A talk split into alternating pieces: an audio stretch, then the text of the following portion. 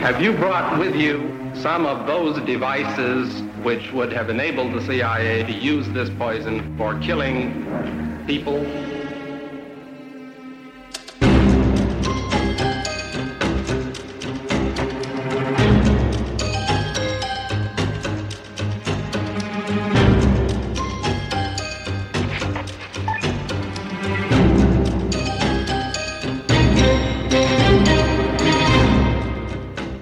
Du lytter til det hemmeligste af det hemmelige. Et program om den kolde krigs hemmeligheder. Mit navn er Anders Christiansen, og med i studiet er dokumentarist Christian Kirk Muff.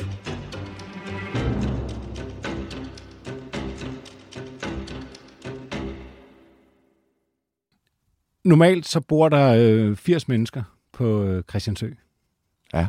Og uden for sæsonen, så er der kun øh, en færge øh, afgang til og fra øen i døgnet. Det er postbåden Peter. Og ifølge mine oplysninger, så øh, havde postbåden Peter 21 journalister ombord til Christiansø i dag. Torsdag den 9.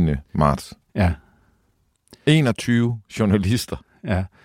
Øh, så er der lige pludselig 100 mennesker i stedet for 80. Ja, og 20 procent af øens befolkning er journalister.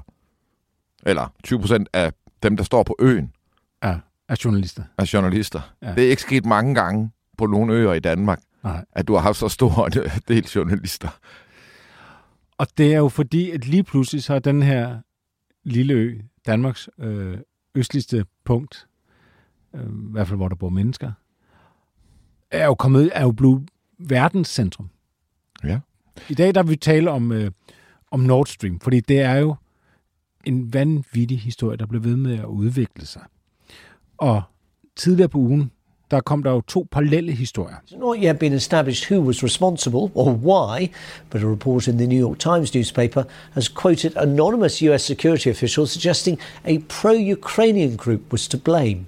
Um, obviously, this is immensely sensitive because the report that has come out citing unnamed US intelligence officials, also backed up by reports in the German media, are indicating that this boat has been found, this yacht that w- set off from Rostock in uh, northern Germany on the, on the Baltic coast and was. Uh, it, it was crewed, they think, by Ukrainians, but they're not sure. Now, if it turns out to be den tyske historie, der byggede på de tyske myndigheder som kilde, som jo var begyndt at øh, efterforske, har renset en yacht, som måske mere er, er en sejlbåd, en stor sejlbåd, som havde været i Rostock, og som havde været, været ude ved Christiansø, og hvor man efterfølgende havde ejeren fundet spor af sprængstoffer. Det er en meget mærkelig historie.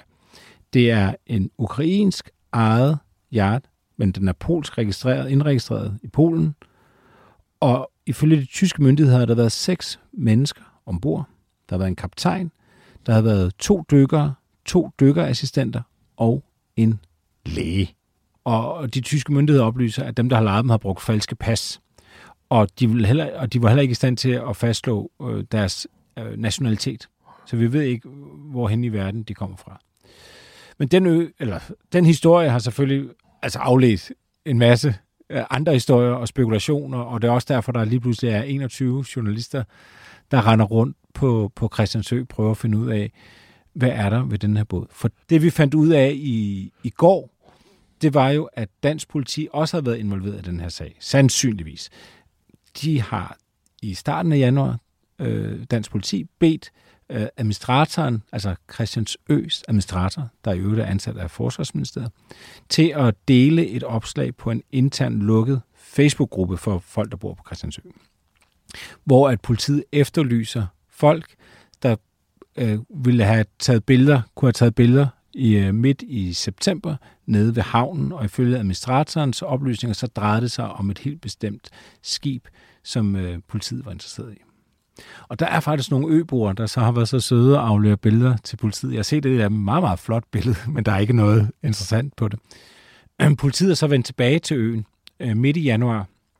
Jeg mener, det er den 18. januar, øh, nogenlunde på samme tid, hvor de tyske myndigheder så renser den her yard, hvor de så interviewer eller afhører nogle af de her øboer øboere øh, yderligere. Men vi ved ikke, hvem og hvad de har spurgt til. Så, så, ud, så, så man kan sige, man kan så tro på den historie eller ej, men det er i hvert fald en historie eller et spor i Nord Stream, som myndighederne har brugt tid på. Det er sådan det vigtige i forhold til, hvad der ellers florerer sådan af historier og rygter. Her er det i hvert fald et spor, som myndighederne har taget alvorligt i en vis grad. Hmm. Det skal jo bare stå helt fast her. Vi er jo lige så meget i mørket som alle mulige andre. Mm. Men det giver mening, at vi skal snakke om det, du og jeg, Anders, fordi vi begyndte jo altså at snakke om false flag lang tid inden mm. det her det skete. Ikke? Så det er noget, vi har kigget på i alle mulige andre sammenhæng. Når jeg ser de der historier komme ud, og når vi to har snakket lidt om det og så videre, så noget af det, jeg kommer til at spekulere på, det er, om der på side 1 i den bog, der beskriver, hvordan udfører du hemmelige militære aktioner,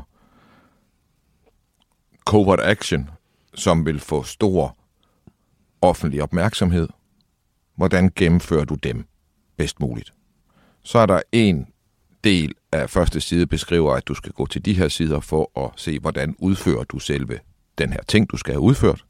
Og så er der en anden del af første side, der henviser til, her går du hen for at umuliggøre efterforskningen. Vi skal jo tænke på her, hvis vi forestiller os, at det her det er kriminelle. Hvis vi forestiller os, at det var kriminelle, og det var et bankkup, vi kiggede på, mm. så er det en kriminel bande med uendelige ressourcer og beføjelser. Så det er den perfekte kriminelle bande, hvis det var det, det var. Det siger jeg ikke, det er, men hvis man skulle sammenligne med noget. Ikke? Så hvis du har uendelige ressourcer som kriminel bande, og du skal lave et bankkup, så vil du jo tænke over også at lave falske spor. Altså det vil jeg da, det vil enhver, der ligesom har trænet i det og tænker sig lidt om, det, vil, det perfekte er jo at forvirre dem, der skal efter dig. Mm. Det, det kan jo ikke, altså... Ligesom at gå baglæns i sneen. Man kan jo faktisk sige, at dem, der følger med i verdens største historie, noget af det, jeg kommer til at diskutere der, det er det her med, der er simpelthen for mange spor i det her rum. Altså, øh, øh, en måde at umuliggøre en efterforskning er at flotte the zone med, med spor og kommentarer og tanker, og alle mulige har en mening, og alle mulige løber i alle retninger hele tiden. Det er en måde at, at umuliggøre det. En anden er at, at sørge for, at det er de forkerte historier, der kommer ud fra starten. Man kan jo tage den her historie med den her båd. Mm. Og ukrainsk-polsk et eller andet, og så er det sådan en pro-ukrainsk gruppe, ja, det er det, de som siger. ikke er bundet op som, som så, den er så ikke bundet op på regeringen, så der er ikke nogen, der kan gøre sig ansvarlig her. Lad os lige prøve lige at gå den her historie igennem, mm. og så tage den for pålydende. Så siger vi bare, at det her det er pålydende. Det vil sige, vi har en terrorgruppe i Ukraine med tekniske, kapac- tekniske kapaciteter til at gennemføre Nord Stream-attentatet. Strategisk forståelse til at ramme kritisk, krig. Så er der ikke mere for den statsbetalte 25 øre. Efter 24-7's lukning er Det Hemmeligste af det Hemmelige blevet en podcast, du skal betale for.